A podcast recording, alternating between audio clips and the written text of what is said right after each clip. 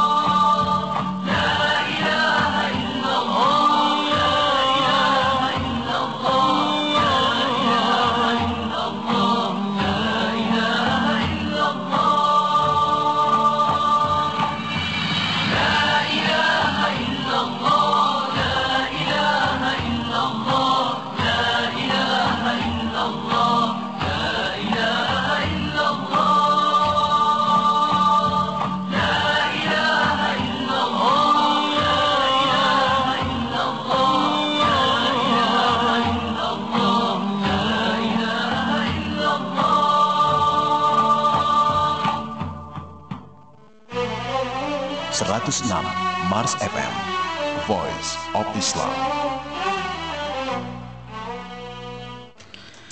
Assalamualaikum warahmatullahi wabarakatuh. Terima kasih sahabat muslim masih setia di 106 Mars FM Sentrum Dawah Bogor. Yang dipancarluaskan dari Gedung Armarkas Islam Bogor lantai 2 Jalan Pacacara nomor 10 Bogor. Alhamdulillah pada pagi hari ini menjelang siang pada hari Rabu tanggal 1 Desember 2010 atau bertepatan tanggal 25 Julhijjah 1431 Hijriah kita kembali lagi di acara uh, Press Air. Satu jam ke depan Insya Allah akan membahas tema Aid masih mengancam. Insya Allah satu depan satu jam ke depan kita akan membahas tema uh, AIDS masih mengancam Baik sahabat muslim Silakan sahabat muslim ingin berdiskusi baik pertanyaan maupun opini silakan sahabat muslim bisa menghubungi layanan telepon kami di 0251832766 atau di layanan SMS di 085670723000. Nah, sahabat muslim di studio telah hadir narasumber kita yaitu Kang Oleh Solihin yang akan uh, membahas pada tema pagi hari ini AIDS masih mengancam. Nah, sebelum kita bertanya-tanya kita sapa dulu narasumber telah hadir di studio uh, 106 Mas FM. Assalamualaikum Kang Oleh. Waalaikumsalam warahmatullahi wabarakatuh. Capek kayaknya nih. Eh, capek. Iya, alhamdulillah sehat. sehat. Ah. Kurang enak badan Oh, nih Kang gitu, Oleh. iya. ini ini tentang mm, tentang AIDS ini uh, masih mengancam uh, masih mengancam nih Kang nih. Iya. Nih, bisa diceritakan gak sih Kang apa sih AIDS itu Kang? Nah, AIDS ya. Iya, baik. Eh, Assalamualaikum warahmatullahi wabarakatuh. Waalaikumsalam warahmatullahi wabarakatuh. Eh, sahabat muslim di mana saja eh, berada ya yang Mhm. bisa mendengarkan acara kita. Mm-mm.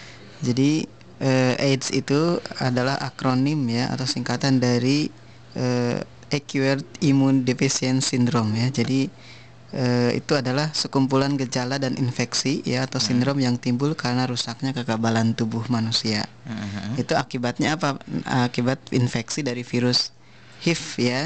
Nah, HIV ya.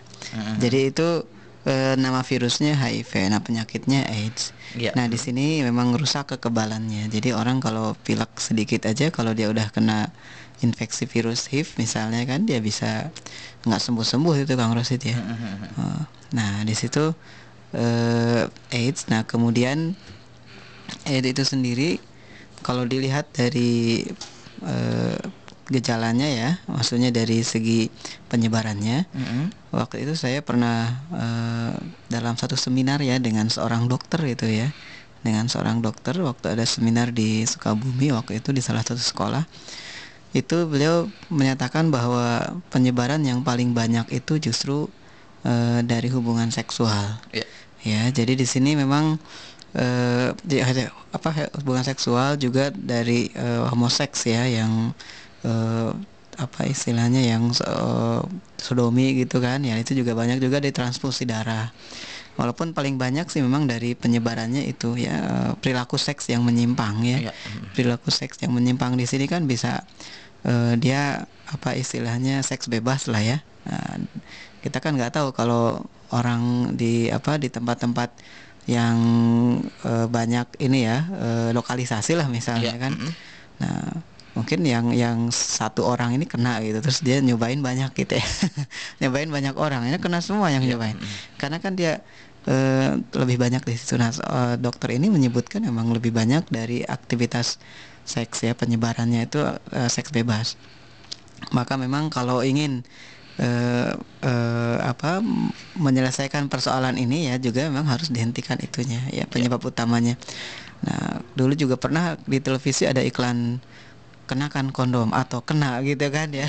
Jadi di sini eh, ngajarin ini ya ngajarin untuk ya artinya bebas ya. eh, betul. Karena pak secara tidak langsung ya, Ya. sebab kalau misalnya eh, kenakan kondom kan berarti kan dia harus harus antisipasi dulu katanya Ya, gitu kan nah atau kena gitu kan nah kena AIDS masuknya kan iklan AIDS itu masalahnya nah padahal kan eh, iklan yang menyesatkan sebetulnya kalau Ya. menurut Syariat apa Islam ya. Iya itu satu ya. Kemudian secara medis juga eh, pori-pori itu hanya untuk menahan ini ya, menahan sperma gitu kan, bukan menahan virus yang jumlahnya sampai eh, lebih kecil dari sperma itu dari lubangnya sendiri, dari lubang apa di- eh, pori-pori kondom itu sendiri ya seper seper 60 mikron itu lebih kecil virus Lebih itu. kecil ya.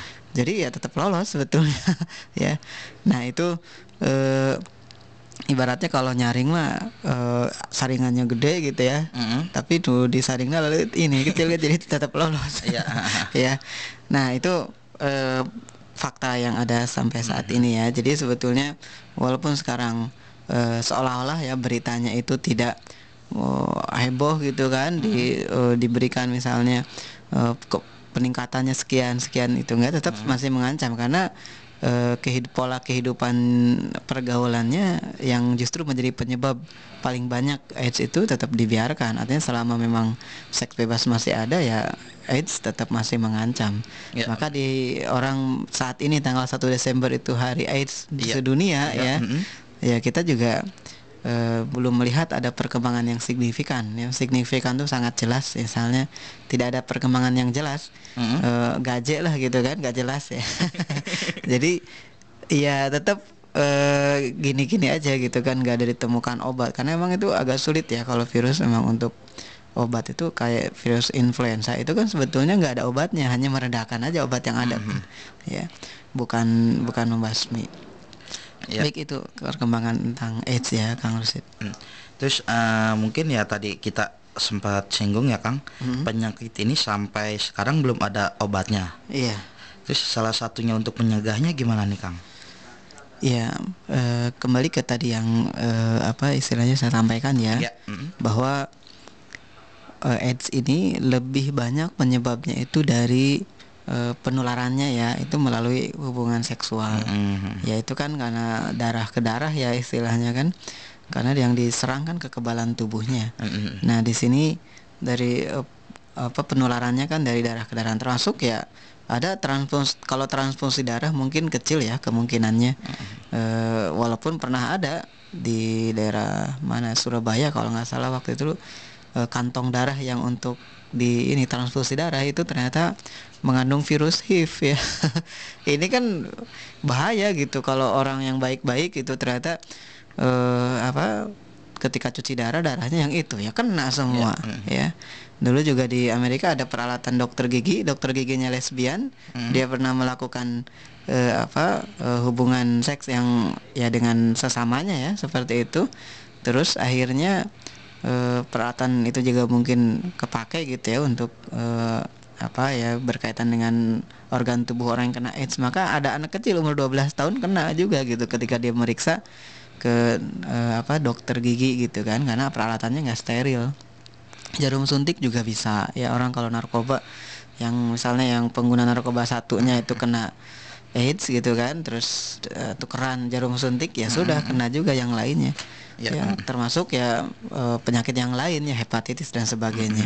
Jadi memang pola hidup yang eh, apa yang nggak benar ya menurut syariat Islam itu memungkinkan untuk eh, bahaya ya lebih ba- lebih banyak mengancamnya gitu kan. Maka kalau ingin eh, tenang ya kita hidup sehat kita hidup tenang itu dengan syariat Islam. Artinya kita berpatokan kepada eh, syariat Islam apa yang memang diperintahkan oleh Allah Subhanahu Wa Taala ya kita lakukan. Kalau itu dilarang ya kita tinggalkan. Ya, ya. Dari yang sebetulnya kita sudah mafhum ya kayak yang uh, uh, lima hukum itu kan yang uh, wajib sunnah mubah Mm-mm. makruh haram. Nah itu harusnya sudah dipahami betul oleh kaum muslimin. Sehingga dia bisa memilih me- menentukan prioritas kehidupan dan juga meninggalkan hal yang memang dilarang dalam pandangan Islam Terus Ya. nah, eh, nah kira-kira kalangan remaja ini nih Kang, Ya. rentan juga rentan juga enggak sih kena AIDS ini Kang? Untuk kalangan remaja nih Kang. ya remaja justru lumayan banyak juga ya Ya. mm. Kenapa? Karena pola hidupnya juga hampir sama dengan yang dewasa, terutama dalam aktivitas seks bebas ya, pergaulan bebasnya. Nah saat ini memang dunia sudah menjadi apa ya namanya tuh eh, tempat ya di mana ya bukan hanya kebaikan tapi kejelekan juga banyak gitu ya, apalagi dengan eh, ada media televisi ya yang kemarin kita juga pernah bahas ya Iya, mm-mm. di apa di hari Senin malam Senin- kemarin. Senin malam ya. Nah, di situ memang eh, karena di televisi itu di di ini ya, diajarkan, dicontohkan lah paling tidak bukan ajarkan, dicontohkan eh, bagaimana misalnya pola hidup yang yang modern saat ini, gaya hidup yang hedonis, kadang ditonjolkan, diberikan label, ya. Ini loh anak gaul seperti ini. Kalau yang dipakai anting telinganya yang cowok ya itu gaul misalnya kan. Kalau yang enggak ya eh, enggak gaul, diberikan label-label seperti itu, ya. Eh, akhirnya apa yang terjadi ya orang terpengaruh ya kalau yang nggak kuat imannya dan nggak kuat prinsipnya itu akan terpengaruh benar seperti apa yang disampaikan oleh eh, Walter Lippmann ya itu salah satu pakar komunikasi itu menyebutkan bahwa dunia saat ini ya orang menonton televisi atau nonton apa pun media massa ya baca media massa itu seperti fixture in our heads ya. Jadi eh, gambaran itu ada dalam eh, benak kita dalam kepala kita gitu. Jadi artinya kalau kita eh, secara sederhana itu diterjemahkan oleh Chomsky ya di situ eh, disebutkan bahwa kalau kalau orang eh, ingin eh, mendapatkan sesuatu itu ada di di media massa. Dan itulah jadikan rujukan terus dibuat ini. Dibuat apa namanya? Eh, terus menerus informasinya. Sehingga terbentuk kan informasi terbentuk opini terbentuk pendapat ya terbentuk pemahaman. Nah mending kalau benar ya. Mamanya kalau salah gimana? Iya. ya. Mm. nah akhirnya yang ada itu kita ingatnya itu. Jadi kalau eh, ingat pacaran nah ingatnya ada di televisi. Oh ada di film ini. Misalnya ada di sinetron ini. Kalau ingat terorisme ya ingatnya Islam gitu kan ya. Kenapa? Karena di televisi terus-terusan. Di media massa itu dibilangnya ini kelompok dari Islam. Itu kan sudah membentuk istilahnya kalau di komputer itu ada mengindeksnya itu seperti itu ya. Memori komputer kan bekerja seperti memori otak kita gitu. Artinya kalau orang diberikan terus-terusan informasi itu maka yang ingat itu terus gitu ya kayak anak kecil misalnya diberikan informasi bahwa eh, itu salah gitu kan. Ya. terus dia akan ingat gitu lama-lama karena yang terbuka file name-nya seolah-olah di sini ada gitu kan. Oh salah salah salah. Kalau benar ya benar-benar gitu. Nah eh, yang celakanya itu kalau yang benar jadi salah yang salah jadi benar itu kan. Yang eh, apa namanya yang harus kita perhatikan betul ya waspadai supaya eh, ditempatkan pada porsinya gitu. Yang benar ya benar yang salah ya salah gitu Nah, maka kalau remaja tentu rentan juga Kang Rosid ya, karena pergaulan bebas sekarang banyak juga remaja. Penelitian BKKBN yang terbaru itu walaupun ya memang penelitian itu tergantung metodenya ya, Iya. Nah, tergantung respondennya juga jumlahnya. Disebutkan itu dalam penelitian terbaru itu di Jabote- Jabodetabek ya Jakarta, Bogor, Tangerang, uh, Bekasi. Depok, Tangerang, Bekasi Iya, mm-mm. itu katanya eh anak mudanya gitu usia remaja remaja mm-mm, putrinya mm-mm. itu eh, hampir lima eh 50 persen malah. 50% ya. itu ha. tidak perawan lagi gitu kan. Ya nggak tahu jumlah respondennya berapa ini Kalau- tetapi ya kalau dilihat bukan eh, mungkin juga sih ya. Kalau kita lihat mungkin. Ya kalau yang di kalau ada respondennya seribu berarti diacak ya karena sampel biasanya ngacak gitu ya untuk menjadikan sampel itu. Ya berarti 500 orang gitu kan di Jabodetabek. Kan mengerikan kalau ada seju, kalau ada sejuta yang di walaupun agak sulit juga ya responin sampai satu juta ya berat itunya milihnya. Yang ngeceknya juga gitu. Tapi misalnya 2000 lah atau 5000 maka ya do- setengahnya aja 2500 gitu. Kan mengerikan gitu. Walaupun kalau tanpa ukuran itu ya statistik ya karena statistik juga ada sih. Dalam bukunya itu berbohong dengan statistik ya. Untuk menunjukkan eh, keinginan-keinginan tertentu atau tujuan-tujuan tertentu. Tetapi tanpa melihat statistik seperti itu pun ya kita lihat dalam kehidupan sehari-hari aja. Banyak kan anak yang ya pulang sekolah boncengan itu laki perempuan. Bahkan ada teman saya cerita aduh ini mah ini dia kebetulan rumahnya dekat ini apa kantornya dekat sekolah eh, yang agama lah gitu ya kita nggak usah sebutin namanya. Itu ya pulang sekolah ya laki perempuan teh udah aja nggak ini pegangan tangan jalan bareng. Ya pasti bukan suami istri wong anak sekolah gitu kan. Ya ya terus dia eh, apa namanya ya tidak nampak lah keislaman ciri-ciri keislaman. Jadi di sini kan wajar kalau kemudian misalnya eh, di survei itu akan seperti itu. Kenapa? Karena ya orang ketika pertama kali ya memang deketan dulu ya nggak mungkin asal gabruk kecuali yang diperkosa kalau yang itu kan biasa ketemu ngobrol lama-lama pengen ikut pengen main ke rumahnya. Udah main di rumahnya ya kita nanti eh, apa namanya eh, yang ngobrol yang lain akhirnya mungkin saja terjadi seperti ya persinahan. Misalnya kenapa ya? Karena udah diwanti-wanti oleh Allah Subhanahu Wa Taala ya bahwa ya kita tuh harus juga berlindung dari setan ya. Godaan setan itu kan yang eh, yuwas fi sudurinas ya Minal nas. Betul. Jadi yang membisikkan kejahatan dalam dada manusia ya dari kalangan jin dan manusia. Kalau dari kalangan jin kan seolah-olah kita, ayo deh kosong nih mumpung kosong terusin aja misalnya kan gitu ya. Terus ada temennya, misalnya temennya juga kan dari kalangan manusia ada gitu. Udah nggak apa-apa sekali-kali nyobain misalnya. Udah akhirnya tuh ya Jadi begitu. ya. Jadi deh ya. Nah maka di sini memang betul ya harus diwaspadai sekali gitu. Jangan sampai ini dibiarkan begitu saja. Nah itu jadi rentan Kang Resi. Justru yang paling rentan itu remaja karena dia kan mencoba-nyoba. Ya masih masih mudah dibohongin lah gitu kan. Mhm. kalau yang udah kerja eh udah mapan dewasa dikit ya eh, yang sebetulnya remaja juga dewasa ya karena dia sudah balik. Dalam Islam itu tidak dikenal istilah remaja sebetulnya karena yang ada tuh anak-anak dan dewasa. Nah cirinya udah anak-anak tuh balik dengan sudah balik laki-laki dia sudah ihtilam berarti sudah dewasa. Mhm. ya walaupun dia umurnya 13 tahun dia udah wajib. Ya melakukan kewajiban-kewajiban sholat puasa gitu kan ya. Nah jadi asal udah ihtilam aja mimpi basah atau haid itu sudah balik ya terubani hukum. Ketika dia berbuat salah ya harus dihukum. Tidak ada istilah lagi ini karena di bawah umur. Ya di bawah umurnya berapa gitu kan? Nggak ada. Dalam Islam itu di bawah umur ya anak-anak gitu kan bukan remaja. Remaja itu harus dihukum harus diberikan eh, hukuman. Ya sama seperti orang dewasa pada umumnya. Makanya kalau ada geng motor misalnya ya, itu kan merusak banyak remaja gitu. Ya. dulu juga saya pernah diwawancari di eh, dari sebuah radio itu. Juga saya sampaikan ya bahwa solusinya memang ini eh, apa namanya eh, harus ada hukuman gitu dan pembinaan tentu ya. Eh, pembinaan dan hukuman. Eh, pembinaan bagi yang yang baik yang sudah terlanjur maupun yang belum itu ada pembinaan. Tapi juga ada yang sudah terlanjur ada, ada hukuman supaya orang itu jerak. Nah itu memang eh, remaja justru lebih rentan ya terhadap AIDS ini. Jadi harus hati-hati ini kita. Khawatir ya punya anak juga. Ngeri juga nanti pergaulannya seperti apa gitu. Harus dikontrol memang orang tuanya. Ya, terus se- setiap tanggal 1 Desember nih Kang, mungkin hari ini ya. iya Nah, ini. biasanya sih pemerintah meringati hari AIDS sedunia, tapi kok tidak ada relasi atau perbaikan yang jelas tuh Kang? Untuk bahwa ini teh berbahaya loh itu setiap Iya. tahunnya pasti hanya memperingati sedunia tapi tidak ada uh, perbaikan sampai sekarang ini Kang. Iya. gimana tuh Kang? Ya sebetulnya eh, di dalam acara apa di dalam acara peringatan Hari AIDS ya tanggal 1 Desember ya Hari AIDS sedunia.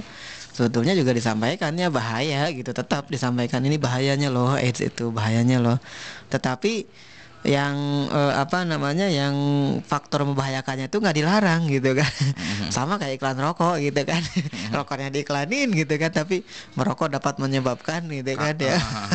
Akhirnya orang gimana ya kan lucu gitu iklannya ya.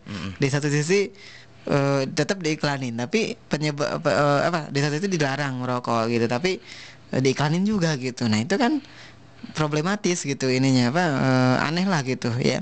Termasuk ya AIDS juga tingkat penyebarannya kan paling eh, tinggi tadi ya yang eh, apa yang disampaikan oleh seorang dokter yang waktu saya seminar bareng dengan beliau.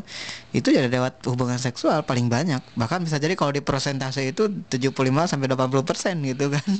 Akibat itu. Sisanya kan karena misalnya suaminya jajan di luar istrinya kena bayinya kena itu memang ada yang kasus seperti itu. Ada juga yang tadi transfusi darah ada yang peralatan eh, yang tidak steril ya jarum suntik dan sebagainya.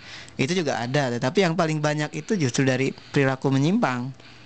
Ya seks bebas itu yang paling banyak. Nah maka di sini eh, apa ya secara medis ya dokter itu sendiri bilang eh, seperti itu ya kita eh, apa percaya juga gitu kan ya dengan apa yang disampaikan. Jadi memang harus di- harus dihentikan tuh itunya. Sama seperti misalnya penyebaran minuman keras. Kalau pabriknya nggak ditutup ya tetap aja Ya, akan ada mm, gitu. Malah mungkin kalaupun ditutup sekalian ya mungkin ada orang yang bikin juga gitu kan ya. Tapi kan jumlahnya jadi sedikit dibanding produksi massal ya nah jadi selain nanti ditutup itunya juga diberikan pembinaan ya kepada masyarakat supaya dia tidak melakukan hal-hal yang tercela gitu kan. Hal-hal yang eh, apa dilarang oleh agama. Mhm. jadi pembinaan iya ke apa ke masyarakat juga eh, dihentikan tuh sumbernya. Ya kalau ingin menghentikan miras pabriknya ditutup gitu ya. Mhm. Eh, itu itu contoh ini ya apa eh, penyelesaiannya ya. Sama seperti kalau kita eh, punya apa namanya ya dulu saya ban sepeda motor bocor ya sering bocor gitu kan ya. Kenapa? Karena ya ban luarnya udah tipis gitu. Malah ada yang robek. Jadi tetap walaupun saya berdua kali tiga kali eh, ganti ban dalam ya tetap aja akan kena juga gitu sesaat mhm. akan mudah rentan gitu. Maka di- setelah diganti ban luarnya dengan yang baru gitu kan ya itu akan alhamdulillah nggak ada masalah gitu dengan ban dalam Mhm. termasuk kalau misalnya eh, kita punya rumah gentingnya bocor. Tapi kita hanya memperbaiki yang basahnya aja gitu. Mhm. ah males ke atas ditanda eh, wadahin aja pakai baskom misalnya atau ember gitu. Terus aja setiap kali hujan. Lama-lama males. Udah biarin deh ntar juga kering lagi. Akhirnya apa? Ya lantai berlubang. Udah jadi masalah satu jadi setelah me- merembet ke mana-mana gitu. Ya, coba mm. kalau naik aja gitu kan ya. Ganti gentengnya beres gitu Beres. kan ya. Nah jadi itu yang eh, contoh penyelesaiannya ya. Jadi kalaupun kita ingin menyelesaikan masalah ini ya memang harus harus kompak ya semua pihak ya. Dari individu juga dia membentengi diri masyarakat juga mengingatkan dengan individu eh, masyarakat yang lain ya individunya. Pemerintah juga harus eh, bertindak sesuai dengan eh, apa ya, kapasitasnya sebagai eh, apa munafizul ahkam ya sebagai pelaksana hukum Mhm. Ya, cuman masalahnya hukum yang sekarang juga kan repot gitu kan, tidak tidak memberikan apa ya jaminan eh, keselamatan juga gitu bagi masyarakat secara umum. Mungkin hanya jaminan keselamatan bagi orang yang punya uang ya. Iya. ya, jadi itu ya. Nah, terus eh, ini Kang tadi kita sempat menyinggung di awal nih Kang. Nah, ada kalangan yang berupaya bahwa untuk mencegah penyebaran AIDS adalah dengan menggunakan kondom. Nah, kok bisa sih Kang? Apa ada apa ada upaya untuk tetap melegalkan perjinan atau seks bebas nih Kang? Iya. Ya, memang itu tepat sekali ya, itu melegalkan ya. Melegalkan ya. Iya seolah-olah kan begitu. Jadi memang harus eh, dia aneh ya dengan kondom. Tadi sempat sedikit sekilas kita Iya, bahas ah, ya ah, bahwa dari awal tadi. Ah, di awal tadi bahwa untuk mencegah katanya mencegah AIDS ini harus dengan eh, kondom tadi ya. Padahal po- lebarnya pori-pori kondom itu ya tidak apa lebih bes, masih lebih besar dibanding ukuran tubuh virus. Mhm. Tubuh virus itu seper 10 mikron gitu kan kecilnya. Lebih kecil. Lebih kecil dari lubang pori-pori kondom. Karena itu hanya dirancang untuk ini sperma memang ya. Karena eh, sementara darah atau ini terus ter- tembus gitu kan ya. Nah, AIDS itu eh, virus HIV itu itu lewat eh, ya kecil sekali gitu dan itu lewat emang apa darah ya aliran cairan darah gitu. Nah, itu yang memang dia medianya di situ ya tumbuh suburnya. Iya, mhm. nah, maka kalau misalnya eh, seperti itu ya itu tidak akan menyelesaikan masalah ya bahkan menambah masalah ya.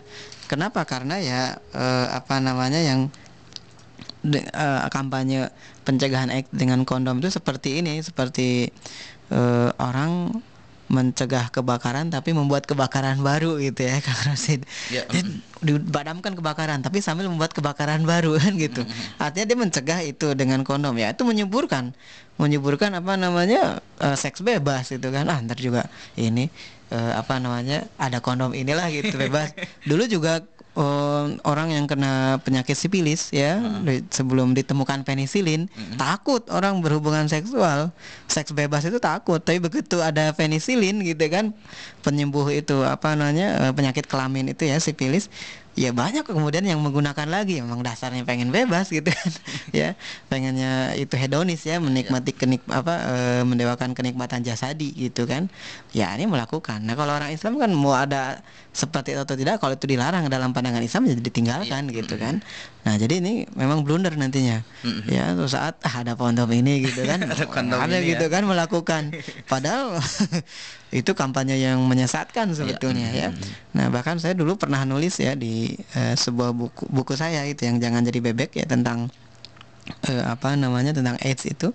Justru eh, banyak pakar kedokteran atau pak medis itu di luar negeri di Eropa terus di Amerika itu yang mengecam ya eh, aksi apa ya istilah kampanye dengan menggunakan kondom. Karena itu sama dengan aksi yang bodoh gitu kan karena ya itu tidak menyelesaikan masalah bahkan membuat orang itu mati gitu kan istilahnya kena gitu dengan eh, AIDS itu ya.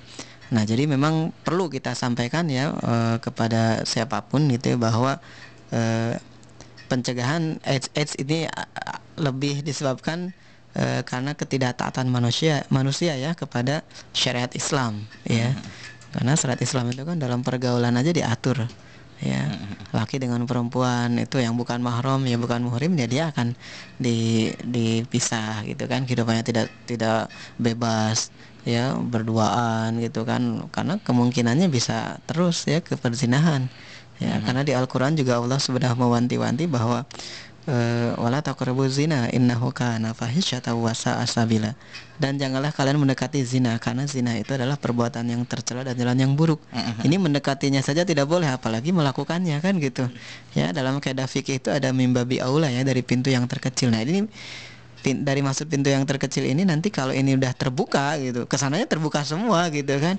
Kita mendekati zina. Ya pacaran misalnya kan terus ya deket-deketan dengan yang bukan mahram mungkin awalnya iseng gitu lama-lama kan jadi ngisengin gitu kan. ya kemudian ngobrol bareng. Ya pertama ta'aruf dulu udah ta'aruf takorub ya. Udah takorub ini tak tubruk nanti gitu kan. Nah jadi itu akan membahayakan. Ya benar firman Allah Subhanahu wa taala dalam surat Al-Isra ayat 32 tadi ya. Jangan mendekati zina. Ini ya pacaran itu termasuk pintu gerbang itu untuk mendekati zina. Jadi harus hati-hati ya makanya dalam Islam sampai diatur sedemikian rupa. Tapi kalau dalam kehidupan orang di luar Islam ya atau kaum muslimin yang sekuler ya memisahkan antara agama dengan kehidupan ya dia akan memilih jalan hidup orang-orang yang eh, di luar Islam ya. Yang hidupnya bebas, hidupnya permisif ya serba boleh menurut ukuran hawa nafsunya atau hedonis ya men- mendewakan kenikmatan jasadi ya. Nggak yang penting nikmat yang penting enak bodoh amat lah halal atau haram nggak peduli. Nah itu bahaya yang seperti itu. Ya. Itu Kang Rosid. Ya, baik sahabat muslim eh, diskusi kita pada malam hari eh, pada pagi hari ini menjelang siang sangat menarik tentang tema AIDS masih mencam. Baik sahabat muslim, silakan sahabat muslim ingin bertanya-tanya atau berdiskusi bersama kami baik pertanyaan maupun opini Silakan sahabat muslim bisa menghubungi layanan telepon kami di 8327166 atau di layanan SMS di 085670723000. Sambil menunggu sahabat muslim bertanya-tanya, kita akan rehat sejenak untuk mendengarkan uh, dua buah uh, nasi dari Yulis dan Joyce Voice. Jangan ke mana-mana, masih setia di 106 FM, Sentrum Dawah Bogor.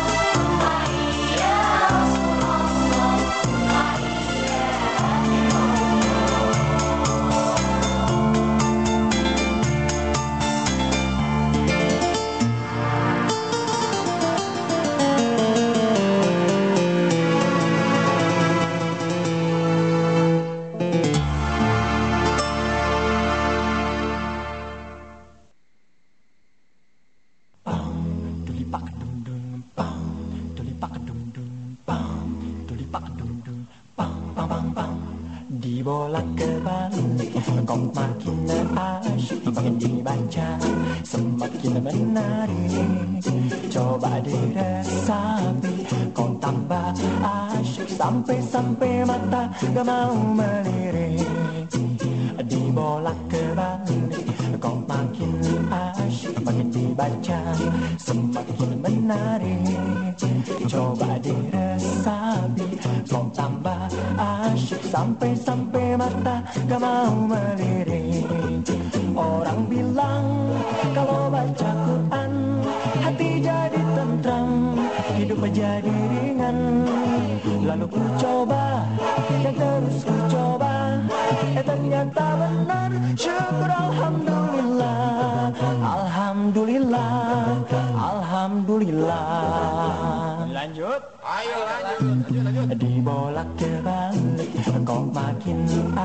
Makin dibaca Semakin menarik.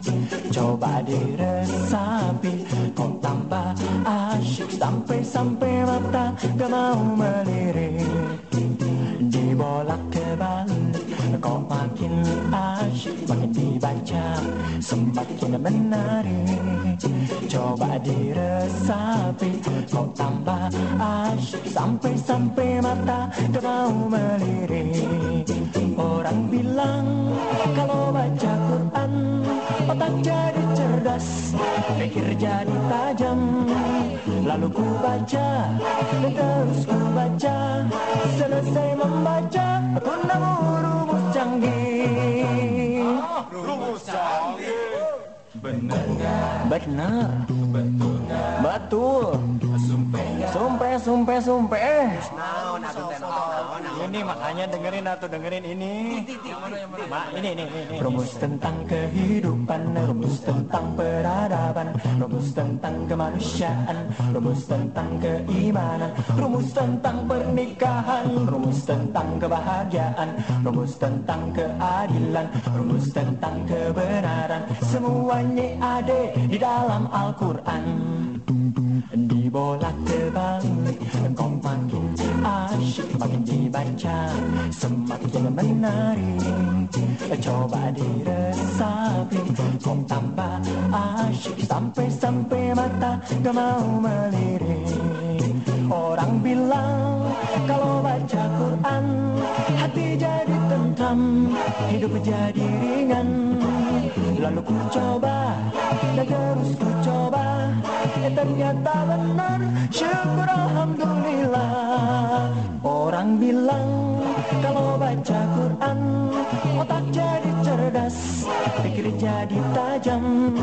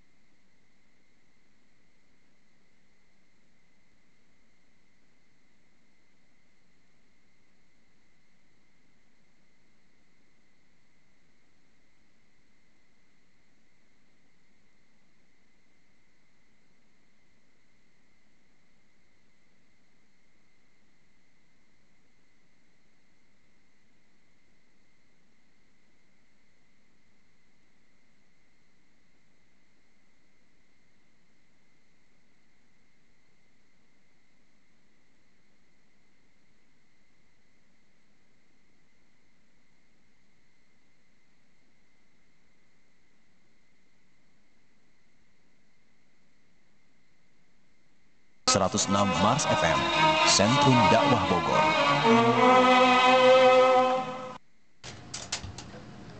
Iya, terima kasih sahabat muslim masih setia di 106 Mas FM Sentrum Dakwah Bogor. Mohon maaf tadi ada kesalahan teknik. Jadi agak berhenti sejenak. Kita uh, akan membahas lagi masalah tentang apa sih uh, AIDS masih mengancam uh, kalangan remaja lah. Baik sahabat muslim, ini ada hmm, pertanyaan dari sahabat muslim nih Kang Leh Iya. pada pagi hari ini. Ini Assalamualaikum warahmatullahi wabarakatuh. Waalaikumsalam. Eh, warahmatullahi wabarakatuh. saya Ari di Ciawi mau nanya apa sih cirinya HIV? Nah, silakan. Mungkin ter yang terinfeksi HIV kali ya. Iya. Iya, jadi eh, kalau kita lihat pada orang dewasa itu ada eh, tindak apa tiga tanda-tanda yang cukup signifikan ya. Kalau eh, orang tersebut kan ter- terinfeksi HIV ya. Mm, mm, mm. HIV AIDS ini misalnya satu itu kehilangan 10% dari berat badan eh, lebih dari sat, lebih cepat ya di dalam waktu satu bulan tanpa penyebab. Misalnya karena bukan diet gitu ya atau sakit apa. Itu tapi dia turun ya drastis. Kalau tadinya misalnya 60 kilo ya turun sampai 10% kan berarti eh, turun 6 kilo ya. Nah itu dengan cepat kan satu bulan turun. Kemudian yang kedua eh, itu diare lebih dari satu bulan kalau Rasid ya. Dia terus-terusan nih ya. Diare kemudian yang ketiga itu demam yang berlangsung selama lebih dari satu bulan ya. Baik konsisten maksudnya demam terus atau eh, kadang datang kadang pergi. Tapi itu berlangsung selama satu bulan kemudian berikutnya ada juga tanda-tanda yang lain ya tapi tidak terlalu eh, maksudnya tidak terlalu kentara. Mm, itu biasanya yang eh, yang pertama tuh batuk kering yang tidak sembuh-sembuh ya batuk kering. Ah, Nah, batuk kering tidak sembuh-sembuh tuh ya lama sekali. Kemudian kulit gatal di sekujur, tu- sekujur tubuh. Mm, mm, mm. nah itu tiba-tiba apa gitu gatal gitu ya. Iya. mm. kemudian herpes zoster jadi mirip cacar air ya. Mirip cacar air itu eh, dis- apa istilahnya disebabkan ini ya disebabkan virus yang juga mengakibatkan cacar air. Mm, mm, mm. jadi ada virus HSP kemudian juga ini tidak kunjung sembuh. Mm, mm. kemudian ada eh, ruam ya ruam pada mulut lidah dan tenggorokan. Jadi ada kandia kandidiasis yang putih. Jadi kayak apa ya di sini ruam itu maksudnya di mulut di eh, apa namanya di lidah dan tenggorokan juga pembekakan kelenjar di leher di ketiak atau selengka, selangkangan dengan atau tanpa infeksi aktif nah jadi itu memang harus eh, perlu diwaspadai ya Iya, mm. Eh, yang seperti itu ya tadi tanyakan sama Arya di Ciawi. Kalau secara umumnya begitu ciri-cirinya. Nah maka ya eh, kita harus apa ya namanya perlu di ini perlu di mungkin pengobatan belum ada yang Belum sampai ada, belum. menyembuhkan ya paling meringankan Mm, mm, mm. ya ya perlu di dipisah diisolasi Ya. ya di misalnya di rumah sakit ya dia harus penanganannya khusus tuh tidak boleh digabung dengan yang lain. Karena khawatir eh, apa istilahnya ada penularan-penularan yang kita tidak tahu tidak sengaja gitu kan ya. Eh, itu bisa eh, apa menular dengan yang lain. Walaupun ya eh, penularannya sih memang lewat darah ya. Itu yang paling cepat. Kalau misalnya bersentuhan tangan saja itu ada yang mengatakan belum ya. Tapi kan kita ngeri juga gitu. Kalau dia luka misalnya kan kita juga kena gitu kan kita juga luka ya udah lukanya kena darahnya kena kan nanti gitu kan makanya harus pakai sta- peralatannya juga lengkap Iya. mm, mm. Iya. Mudah-mudahan jawaban Iya, Allah eh, ya. puas ya untuk eh, Kang Ari di Ciawi. Terus ini, nih Kang, sejauh mana sih kalangan remaja mengenal dengan masalah ini nih Kang? Nah, ya memang perlu ya saya belum survei ya saya belum survei tapi kelihatannya remaja perlu penang perlu ini ya perlu apa Penanganan, diberikan nah, betul diberikan penyuluhan. sosialisasi. Mm-mm. mungkin sudah ada gitu Ya, kan cuman sejauh mana sih efektivitasnya kita kan nggak tahu juga gitu. Walaupun kita juga pernah beberapa kali nulis di gaul Islam itu kan tentang eh, apa namanya eh, AIDS ya. Mm-mm. Eh, tentang AIDS itu apa kemudian bagaimana penanganannya dan bagaimana solusinya kan begitu. Itu juga pernah ya mudah-mudahan sih bisa dibaca itu Kang Sid. Jadi Iya. saya kalau secara real belum tahu Belum tahu ya eh, untuk- untuk seperti ini. apa gitu. ya. Terus ini Kang, apa yang bisa kita eh, dalam Islam lakukan untuk menghindari tekanan tekaman AIDS ini Kang? Mm-mm. dan uh, ada uh, terus apa pesan buat uh, remaja muslim nih Kang untuk sahabat muslim di rumah Kang Iya.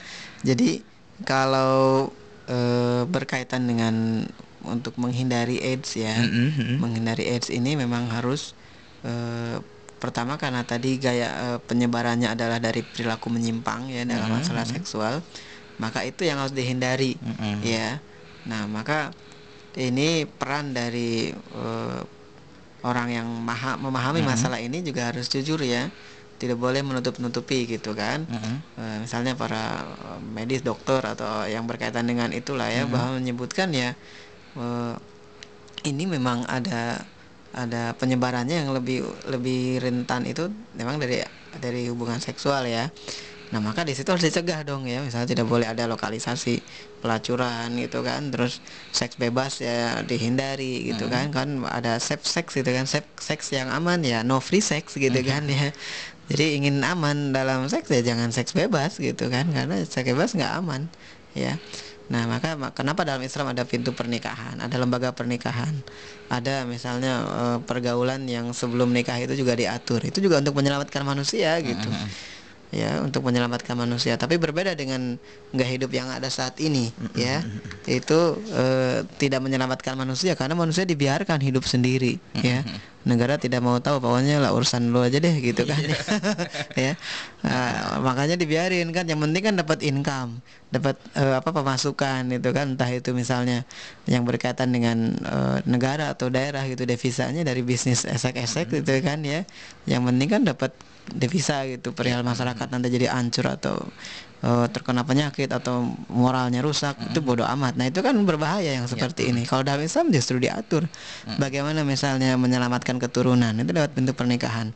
Saya pernah eh, menulis dalam buku Yes I Muslim ya yang saya pernah saya tulis tahun 2007 itu juga ada tentang bagaimana peran negara dalam dalam menyelamatkan eh, masyarakat ya dari segi agamanya, dari segi akalnya, dari segi ket- ke- nasab keturunannya, dari segi hartanya semua ada ya. Itu saya tulis juga di buku itu dan mudah-mudahan sih ada yang baca ya. Amin. Amin. Di situ ada lengkap ya Insya Allah berkaitan dengan eh, penyelamatan Islam terhadap eh, kehidupan umat manusia. Jadi pesan buat remaja ya kalaupun ini ya tentu saja jangan dekat ya dengan hal-hal yang nyerempet-nyerempet ya yang ber, berisiko tinggi ya untuk eh, kita untuk masa depan kita lah ya jadi seks bebas itu dihindari ya. Eh, gaul bebas ya jangan coba-coba ya. Pacaran terutama tuh harus di ini ya jangan jangan coba-coba deh pengen pacaran jangan ya. Ah, saya kan pacarannya sehat pak gitu. Sehat gimana gitu. Pacaran sehat tuh enggak pacar kalau ada pacaran sehat ya setelah pernikahan gitu kan. Nah itu baru harus punya SIM dulu Nah, ya. iya surat izin menikah. Nanti kalau enggak ya akan ditilang gitu nanti ya. apalagi kalau menggunakan tes sepeda motor nggak ada BPKB-nya aja nggak ada STNK kan ditilang. tilang. Nah ini kalau pakai orang tanpa ada ini ya berduaan itu ya Digerebek masa. Ah, iya, Nggak jadi jangan sampai ya jodoh tuh di tangan Allah Iya. bukan jodoh di tangan Hansip gitu kan. Di tangan Hansip maksudnya digerebek sama Hansip gitu kan nikahin aja deh daripada mencemarkan kampung sini Iya, Tapi nggak gitu ya.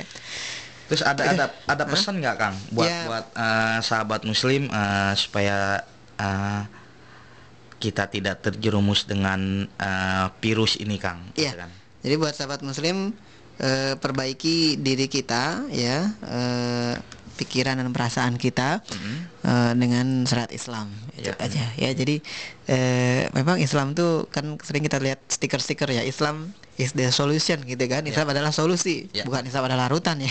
Solution juga larutan beberapa kimia ya. Ini Islam adalah solusi. Artinya memang Islam me- men- men- solusi untuk semua aspek kehidupan. Iya. Nah, maka eh, tentu saja kita harus belajar dulu ya. Kita memang tidak instan ya, tidak instan begitu kita belajar Islam langsung paham nggak juga gitu kan. Kita harus belajar. Nah, semua dukungan juga dari individu, masyarakat, keluarga, masyarakat dan juga negara. Ini yang harus kita eh, apa eh, kampanyekan ya. Terutama untuk remaja ya tentu kita harus jangan latah deh, jangan ikut-ikutan untuk hal-hal yang memang bertentangan dengan eh, syariat Islam Ya. gitu. Ya jadi pentengi diri dengan syariat Islam. Jangan mudah eh, untuk bergaul kalau itu bukan berasal dari Islam.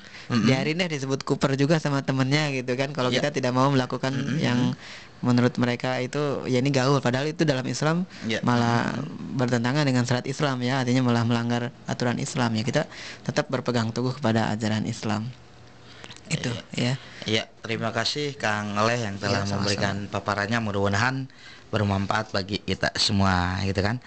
Akhirnya eh, saya undur diri dulu dari ruang dengar Anda dan mohon maaf bila ada kata-kata salah yang berken yang kurang berkenan di hati sahabat muslim di rumah. Akhirnya saya Rosid dan Kang Oleh undur diri ruang dengar Anda. Bila hidup hidayah. Assalamualaikum warahmatullahi wabarakatuh. The Voice of Islam.